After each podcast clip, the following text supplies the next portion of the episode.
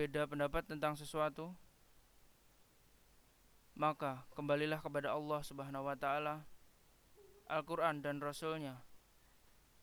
Jika kamu beriman kepada Allah dan hari kemudian, yang demikian itu lebih utama bagimu dan lebih baik akibatnya.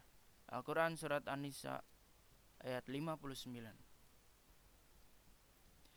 Dalam dalam ayat lain Allah Subhanahu wa taala menyatakan bahwa Inna anzalna ilaikal ilaikal kitaba bil haqqi litahkuma bainan nasi bima arsaka Allah.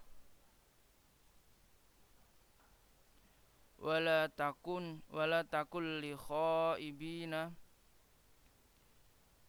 kha khasim yang artinya sungguh kami telah menurunkan kitab Al-Qur'an kepadamu Muhammad membawa kebenaran agar engkau mengadili antara manusia dan apa yang telah diajarkan Allah kepadamu. Dan janganlah engkau menjadi penentang atau orang yang tidak bersalah karena membela orang yang berkhianat. Al-Quran Surat An-Nisa ayat 105 dalam dalam sebuah hadis yang bersumber dari Imam Bukhari dan Imam Muslim Rasulullah Shallallahu Alaihi Wasallam juga bersabda yang artinya Amma ba'du wahai sekalian manusia Bukankah aku sebagaimana manusia biasa yang diangkat menjadi rasul dan saya tinggalkan bagi kalian semua ada dua perkara utama atau besar. Yang pertama adalah kitab Allah yang di dalamnya terdapat petunjuk dan cahaya atau penerangan. Maka itulah maka itulah kitab Allah Al-Qur'an dan maka ikutilah kitab Allah Al-Quran dan berpegang teguhlah kepadanya. Hadis riwayat Muslim. Berdasarkan dua ayat dan hadis di atas, jelaslah bahwa jelaslah bahwa Al-Quran adalah kitab yang berisi sebagai petunjuk dan peringatan bagi orang-orang yang beriman. Al-Quran sumber dari segala sumber, hukum baik dalam konteks kehidupan dunia maupun kehidupan akhirat kelak. Namun demikian, hukum-hukum yang terdapat dalam Al-Quran, kitab suci Al-Quran ini, ada yang bersifat rinci dan sangat jelas maksudnya, dan ada yang masih bersifat umum dan perlu pemahaman yang mendalam untuk memahaminya. Jadi banyak penafsiran, banyak banyak suatu hal yang harus dikaji yang lebih dalam lagi berkaitan dengan memahami dan pemahaman terhadap Al-Quran ini. Jadi ada dua, yang satu bersifat sangat jelas, rinci maksudnya. Jadi yang yang kedua yang masih bersifat umum dan perlu pemahaman dan perlu dikaji tadi. Ketiga, ada kandungan hukum dalam Al-Quran. Para ulama mengelompokkan hukum yang terdapat dalam Al-Quran ke dalam tiga bagian, yaitu yang pertama akidah atau keimanan.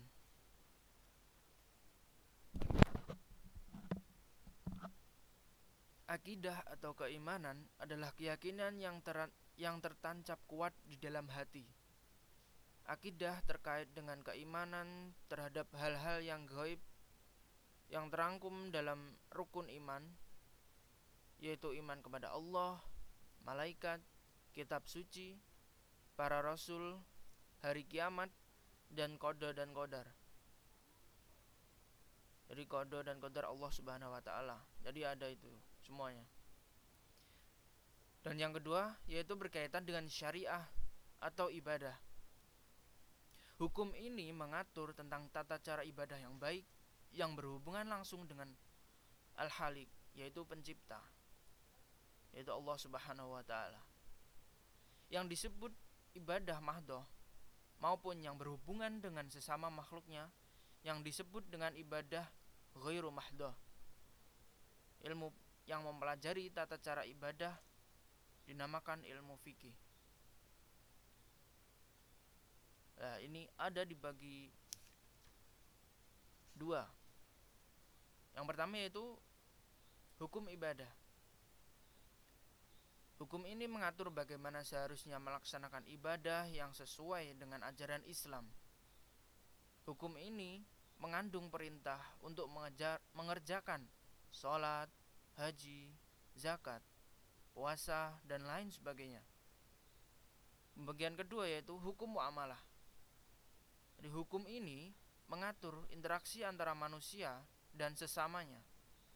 Seperti hukum tentang tata cara jual beli, hukum pidana, hukum perdata, hukum warisan, pernikahan, politik, dan lain sebagainya.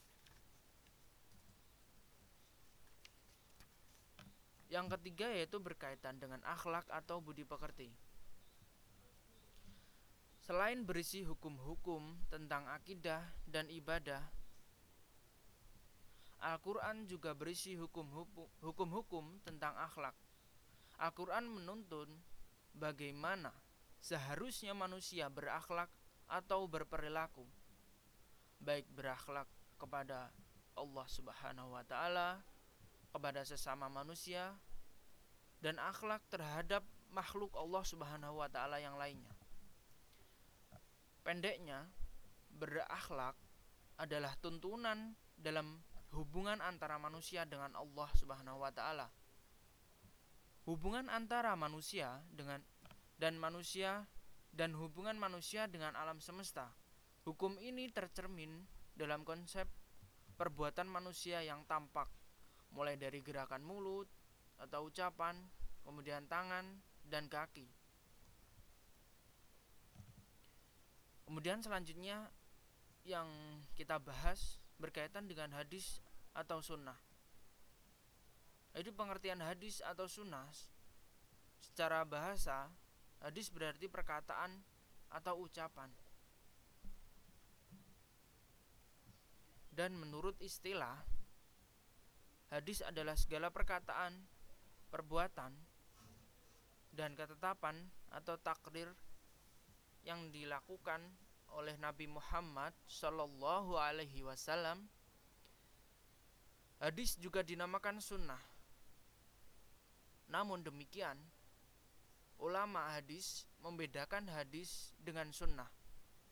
Hadis adalah ucapan atau perkataan Rasulullah Shallallahu Alaihi Wasallam, sedangkan sunnah adalah segala apa yang dilakukan oleh Rasulullah Shallallahu Alaihi Wasallam yang menjadi sumber hukum Islam. Hadis dalam arti perkataan atau ucapan Rasulullah terdiri atas beberapa, beberapa bagian yang saling terkait satu sama lain. Nah, bagian bagian-bagian hadis tersebut antara lain yang pertama itu sanat. Maksudnya dari sanat ini yaitu sekelompok orang atau seseorang yang menyampaikan hadis dari Rasulullah Shallallahu Alaihi Wasallam sampai kepada kita sekarang ini. Kemudian ada matan. Matan yaitu isi atau materi hadis yang disampaikan Rasulullah Shallallahu Alaihi Wasallam. Kemudian rawi, yaitu orang yang meriwayatkan hadis. Kemudian eh, kita bahas berkaitan dengan kedudukan hadis atau sunnah sebagai sumber hukum Islam. Sebagai sumber hukum Islam, hadis berada satu tingkat di bawah Al-Quran. Artinya, jika sebuah perkara hukumnya tidak terdapat di dalam Al-Quran, yang harus dijadikan sandaran berikutnya adalah hadis tersebut. Hal ini sebagaimana firman Allah Subhanahu wa taala yakni A'udzu. Wa ma atakumur rasulu fakhuduhu wa ma nah wa ma nahakum anhu fantahu wattaqullah innallaha syadidul iqab. Yang artinya dan apa-apa yang diberikan Rasul kepadamu maka terimalah ia. Dan apa-apa yang dilarangnya maka tinggalkanlah Quran surat Al-Hash Al-Hashr ayat 7 Demikian pula firman Allah Subhanahu wa taala dalam ayat lain yakni A'udzu billahi minasyaitonir rajim. May yuti'ir rasula faqad ata'a Allah wa man tawak wa man tawalla fama arsalnaka alaihim hafid yang artinya barang siapa menaati Rasul Muhammad maka sesungguhnya ia telah menaati Allah Subhanahu wa taala dan barang siapa berpaling darinya maka ketahuilah kami tidak mengutusmu Muhammad untuk menjadi pemelihara mereka. Sekarang kamu sudah paham uh, berkaitan dengan tentang peran penting hadis sebagai sumber hukum Islam kedua setelah Al-Quran atau masih belum paham? Jadi mari kita lihat kembali kedudukan hadis terhadap sumber hukum Islam kedudukan hadis terhadap sumber Islam sumber hukum Islam pertama yaitu berkaitan dengan Al-Qur'an itu tadi. Kali ini berkaitan dengan materi tadi ada fungsi hadis terhadap Al-Qur'an. Rasulullah Shallallahu alaihi wasallam sebagai pembawa risalah Allah bertugas menjelaskan ajaran yang diturunkan Allah Subhanahu wa taala melalui Al-Quran kepada umat manusia. Oleh karena itu, hadis berfungsi untuk menjelaskan, bayan, serta menguatkan hukum-hukum yang terdapat dalam Al-Quran. Jadi fungsi hadis terhadap Al-Quran dapat dikelompokkan menjadi empat, yaitu sebagai berikut. Yang pertama, menjelaskan ayat-ayat Al-Quran yang masih bersifat umum seperti yang sudah Mas Ayat sampaikan tadi ya berkaitan dengan Al-Quran yang masih bersifat umum dan pemahamannya itu perlu sangat perlu dikaji dan didalami kembali contohnya adalah ayat Al-Quran yang memerintahkan sholat perintah sholat dalam Al-Quran masih bersifat umum sehingga diperjelas dengan hadis-hadis Rasulullah tentang sholat baik tentang cara baik tentang tata caranya maupun jumlah bilangan rokaatnya. Nah, untuk menjelaskan perintah sholat tersebut, misalnya, keluarlah sebuah hadis yang berbunyi, Sholatlah kalian, sebagaimana kalian melihat aku sholat. Hadis riwayat Bukhari. Yang selanjutnya yaitu memperkuat pernyataan yang ada dalam Al-Qur'an. Seperti dalam Al-Qur'an terdapat ayat yang menyatakan barang siapa di antara kalian melihat bulan maka berpuasalah.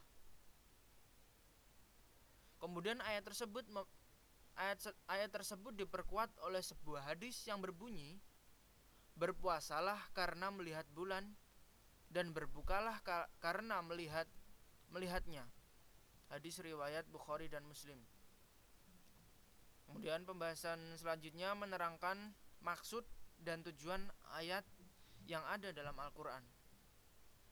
Misalnya dalam Quran surat At-Taubah ayat 34 dikatakan orang-orang yang menyimpan emas dan perak kemudian tidak membelanjakannya di jalan Allah Subhanahu wa taala gembirakanlah mereka dengan azab yang pedih Ayat ini jelas, ayat ini dijelaskan oleh hadis yang berbunyi Allah Subhanahu wa taala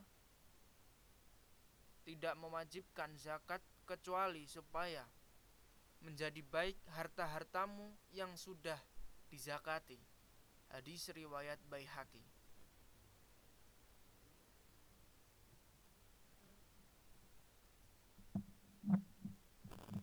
Berkaitan dengan pembahasan selanjutnya yaitu menetapkan hukum baru yang tidak terdapat dalam Al-Qur'an.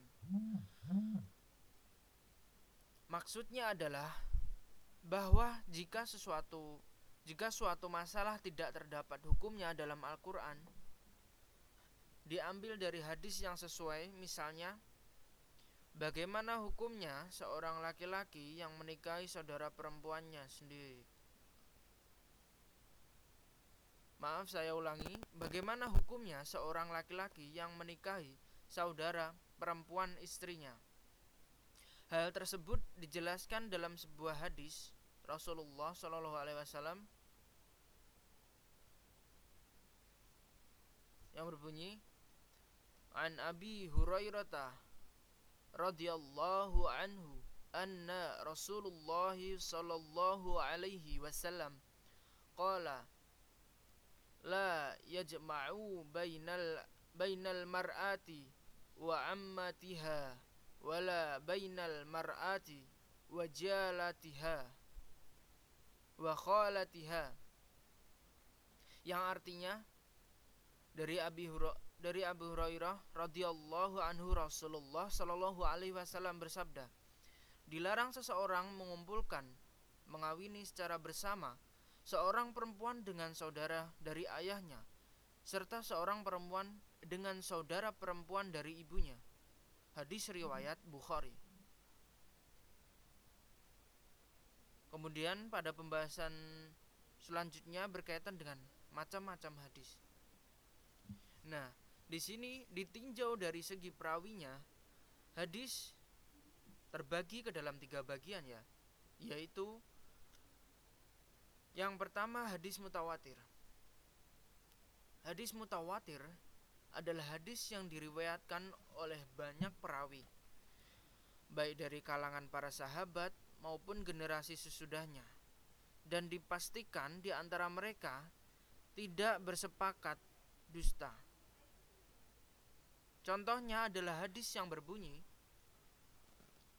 An Abi Hurairah qala Qala Rasulullah sallallahu alaihi wasallam Man kadzdzaba alayya muta'ammid muta'ammidan falyatawab falyatabawwa maq'adahu minan nar yang artinya dari Abu Hurairah radhiyallahu anhu bahwa Rasulullah sallallahu alaihi wasallam bersabda Barang siapa berdusta atas namaku dengan sengaja maka tempatnya adalah neraka.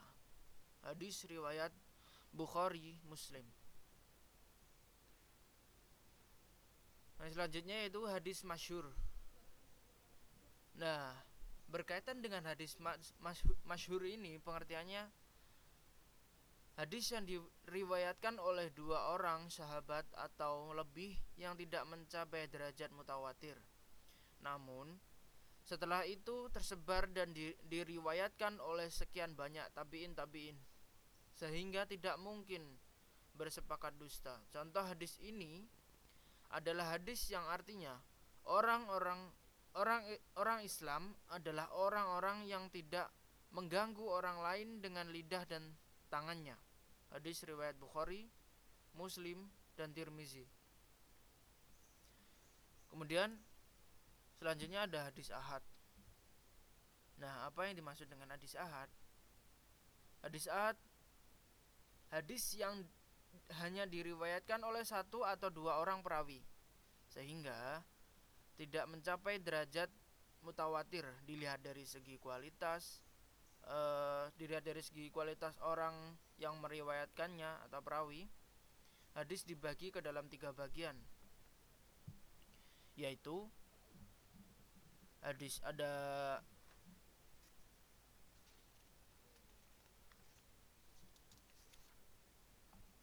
ada hadis sahih ada hadis hasan ada hadis doif dan ada hadis maudhu berkaitan dengan hadis sahih yakni hadis yang diriwayatkan oleh perawi yang adil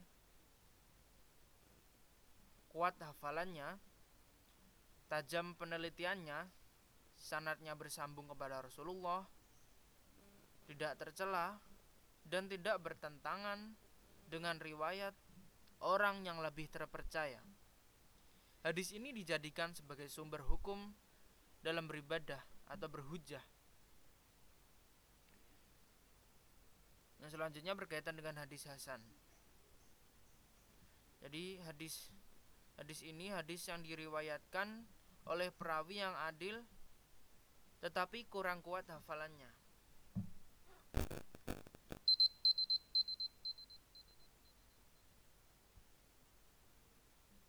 Kemudian sanatnya bersambung, tidak cacat dan tidak bertentangan. Sama seperti hadis sahih, hadis ini dijadikan sebagai landasan mengerjakan amal ibadah. Hadis doif yaitu hadis yang tidak memenuhi kualitas hadis sahih dan hadis hasan. Para ulama mengatakan bahwa hadis ini tidak dapat dijadikan sebagai hujah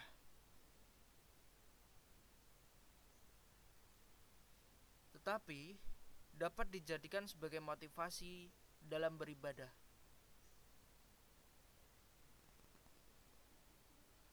Kemudian yang selanjutnya yaitu berkaitan dengan hadis maudhu yaitu hadis yang bukan bersumber kepada Rasulullah Shallallahu Alaihi Wasallam atau hadis palsu.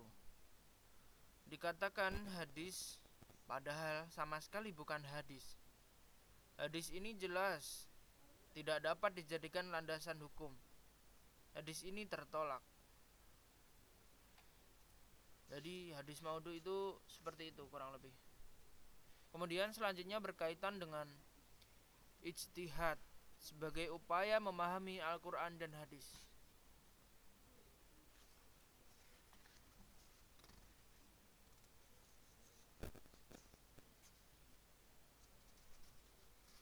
Yang pertama berkaitan dengan pengertian ijtihad.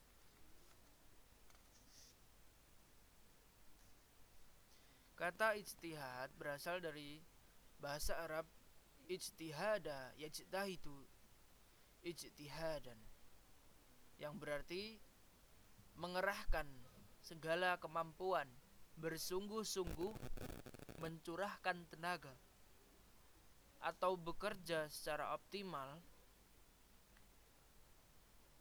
Kemudian secara istilah ijtihad adalah mencurahkan segenap tenaga dan pikiran secara sungguh-sungguh dalam menetapkan suatu hukum.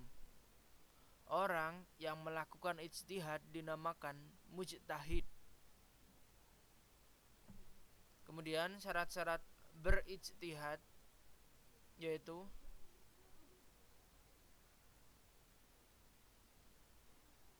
di sini di, di kita jelaskan kita bahas berkaitan dengan syarat-syarat istiad sangat tergantung pada kecakapan dan keahlian para mujtahid dimungkinkan hasil ijtihad antara satu ulama dengan ulama yang lainnya berbeda hukumnya yang dihasilkan ya.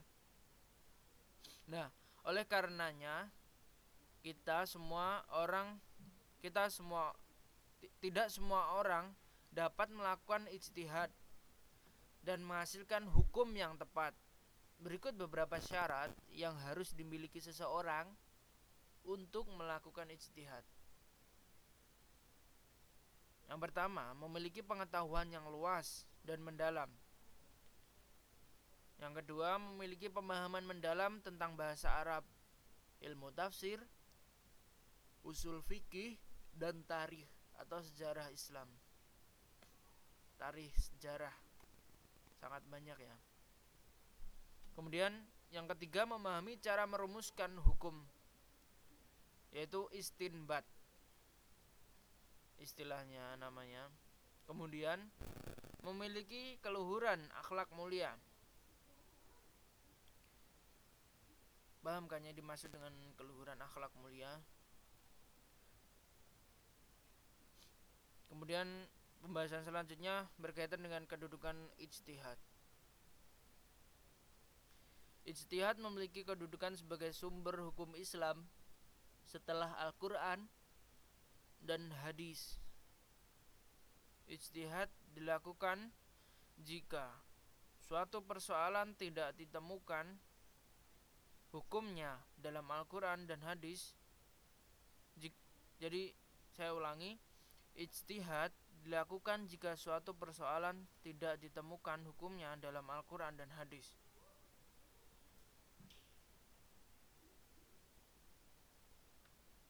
Namun demikian, hukum yang dihasilkan dari ijtihad tidak boleh bertentangan dengan Al-Quran maupun hadis. Hal ini sesuai dengan sabda Rasulullah Shallallahu Alaihi Wasallam yang artinya dari Muaz bahwasannya Nabi Muhammad Shallallahu Alaihi Wasallam ketika mengutusnya ke Yaman, ia bersabda, Barang siapa engkau akan memutuskan suatu perkara yang dibawa orang kepadamu, Muas berkata, Saya akan memutuskan menurut kitabullah Al-Quran. Lalu Nabi berkata, dan jika di dalam kitabullah engkau tidak menemukan sesuatu mengenai soal itu, kemudian Muaz menjawab, jika begitu, saya akan memutuskan menurut sunnah Rasulullah Shallallahu Alaihi Wasallam. Kemudian Nabi bertanya, Nabi bertanya lagi, dan jika engkau tidak menemukan sesuatu hal itu di dalam sunnah, Muaz menjawab, saya akan mempergunakan pertimbangan akal pikiran sendiri atau ijtihadu bira'yi tanpa bimbang sedikit pun. Kemudian Nabi bersabda, Maha suci Allah subhanahu wa ta'ala yang memberikan bimbingan kepada utusan Rasulnya dengan suatu sikap yang disetujui Rasulnya. Hadis riwayat Darami. Rasulullah Shallallahu Alaihi Wasallam juga mengatakan Seseorang yang berijtihad sesuai dengan kemampuan dan ilmunya, kemudian ijtihadnya itu benar, maka ia mendapatkan dua pahala. Jika kemudian ijtihadnya itu salah, maka ia mendapatkan satu pahala. Hal tersebut ditegaskan melalui sebuah hadis yang berbunyi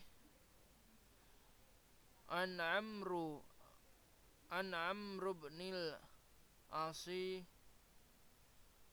annahu sa, annahu sami'a ras, sami'a Rasulullah sallallahu alaihi wasallam qala idza hakamal hakimu fajtahada thumma asaba falahu ajrani wa idza hakama fajtahadu thumma akhta falahu ajru. Dari am dari Amr bin As sesungguhnya Rasulullah Shallallahu alaihi wasallam bersabda apabila seorang hakim berijtihad dalam memutuskan suatu persoalan ternyata ijtihadnya benar maka ia mendapat dua pahala. Dan apabila dia berijtihad kemudian ijtihadnya salah maka ia maka ia mendapatkan satu pahala. Hadis riwayat Bukhari dan Muslim. Yang berkaitan selanjutnya yaitu bentuk-bentuk ijtihad jadi ijtihad ijtihad sebagai sebuah metode atau cara dalam menghasilkan sebuah hukum terbagi ke dalam beberapa bagian yaitu ada ijma kias kemudian masalah mursalah.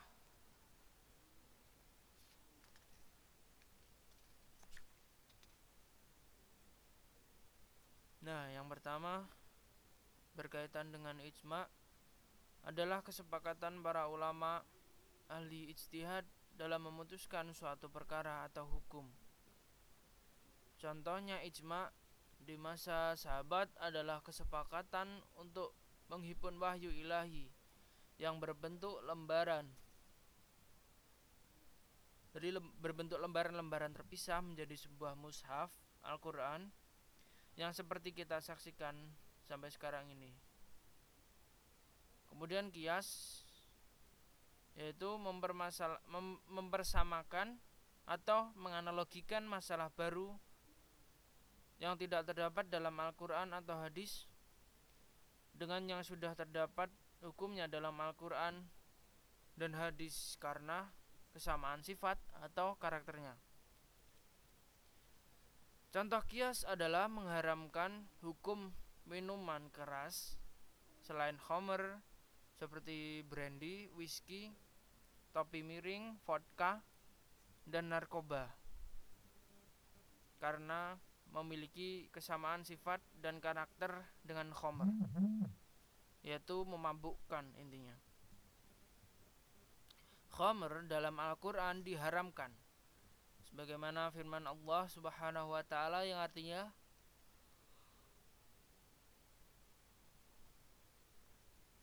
Wahai orang-orang yang beriman, sesungguhnya minuman keras, berjudi, berkorban untuk berpahala, dan mengundi nasib dengan anak panah adalah perbuatan keji dan termasuk perbuatan setan. Maka jauhilah perbuatan-perbuatan itu agar kamu beruntung. Maslahah mursalah Ya berkaitan dengan masalah mursalah Yang artinya Penetapan hukum yang menitik beratkan pada kemanfaatan atau perbuatan dan tujuan hakiki universal terhadap syariat Islam. Misalnya, seseorang wajib mengganti atau membayar kerugian atas kerugian kepada pemilik barang karena kerusakan di luar kesepakatan yang telah ditetapkan. Itu ya. Seseorang wajib mengganti atau membayar kerugian atas kerugian kepada pemilik barang karena kerusakan di luar kesepakatan yang telah ditetapkan. Kemudian pembagian hukum Islam berkaitan dengan pembagian hukum Islam, para ulama membagi hukum Islam ke dalam dua bagian yaitu hukum taklifi dan hukum wa'di. Hukum taklifi adalah tuntunan Allah Subhanahu wa taala yang berkaitan dengan perintah dan larangan. Hukum wa'di adalah perintah Allah Subhanahu wa taala yang merupakan sebab syarat atau penghalang bagi adanya sesuatu.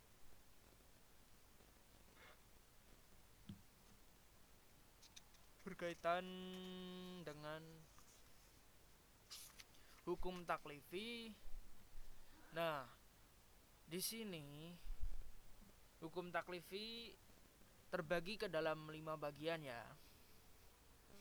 Yakni yang pertama wajib atau fardu. Yang kedua sunnah atau mandub. Yang ketiga haram atau tahrim. Yang keempat, makruh atau karahah. Yang kelima, mubah atau albah. Mubah atau al-ibahah. Al-ibahah.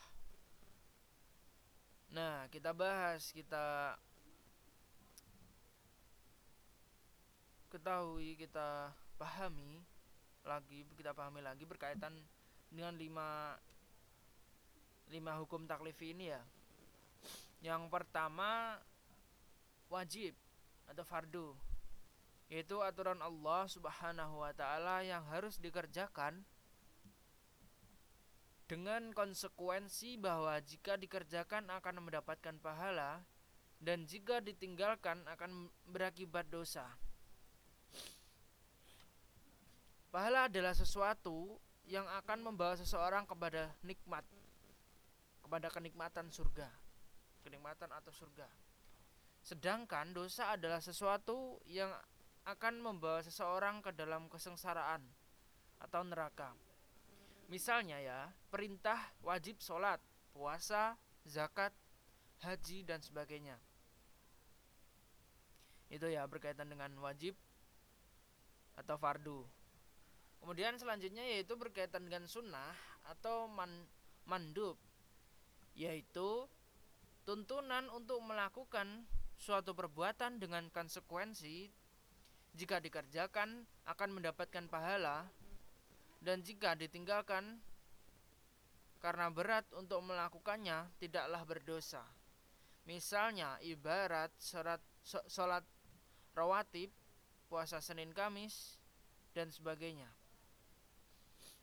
Kemudian selanjutnya berkaitan dengan haram atau tahrim yaitu larangan untuk mengerjakan suatu pekerjaan atau perbuatan. Nah, jadi konsekuensinya adalah jika larangan tersebut dilakukan akan mendapatkan pahala. Jika larangan tersebut dilakukan akan mendapatkan pahala.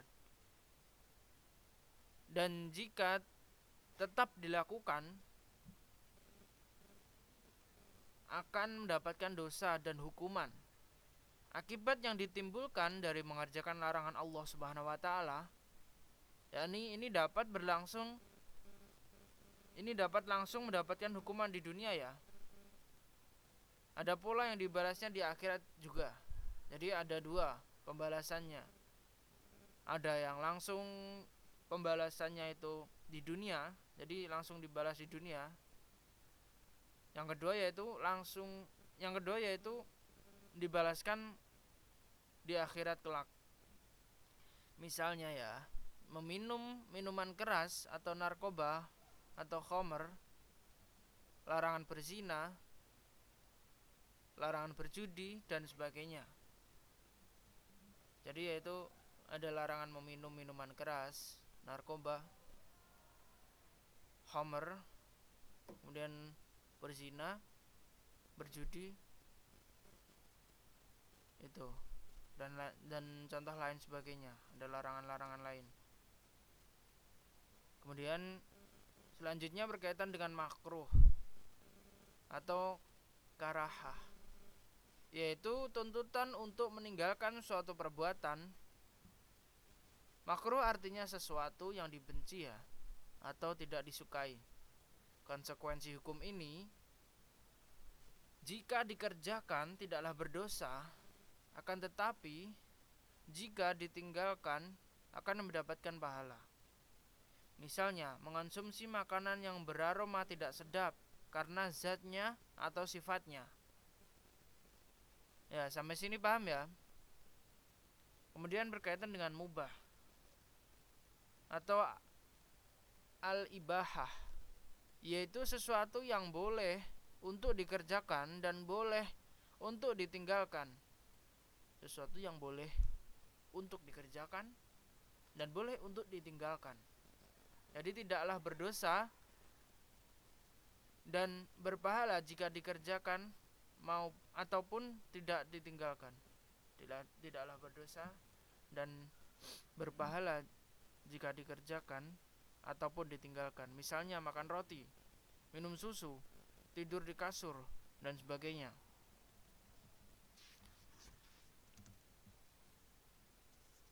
Mungkin itu ya yang dapat kita pelajari dan kita bahas untuk materi saat ini.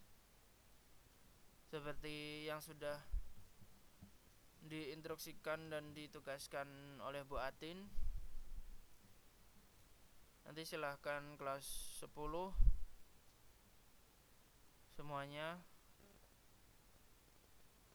oh iya kelas 10 kan ada dua ya seperti diinstruksikan Bu Atin dan Pak Muslihun ya jadi membuat rangkuman merangkum Jadi tentang apa yang Mas Sayat sampaikan. Jadi kita cukupkan materi pada pagi hari ini. Semoga tetap sehat semua ya. Jaga kesehatan. Kalau mungkin tidak penting untuk keluar, jangan keluar, tetap di rumah saja.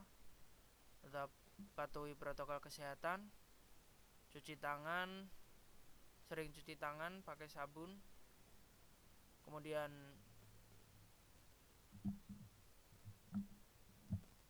patuhi dan taati perintah orang tua. Jangan membangkang atau ngeyel istilahnya ya. Kemudian kita nggak ada yang tahu ajal kita kapan. Kita harus mempersiapkan semuanya juga jadi itu saja. Kita akhiri dengan bacaan hamdalah dan kafaratul majelis bersama-sama ya. Alhamdulillahi rabbil alamin. Subhanakallahumma wa bihamdika an la ilaha illa anta Astaghfiruka wa atubu ilaih. Mohon maaf apabila ada perkataan atau apa pun dari yang Mas Ayat tadi sampaikan jika sekiranya kurang berkenan atau ada salah kata mohon dimaafkan. Wabillahi taufiq walhidayah nasru minallah fathun qarib babasyiril mu'minin. Wassalamualaikum warahmatullahi wabarakatuh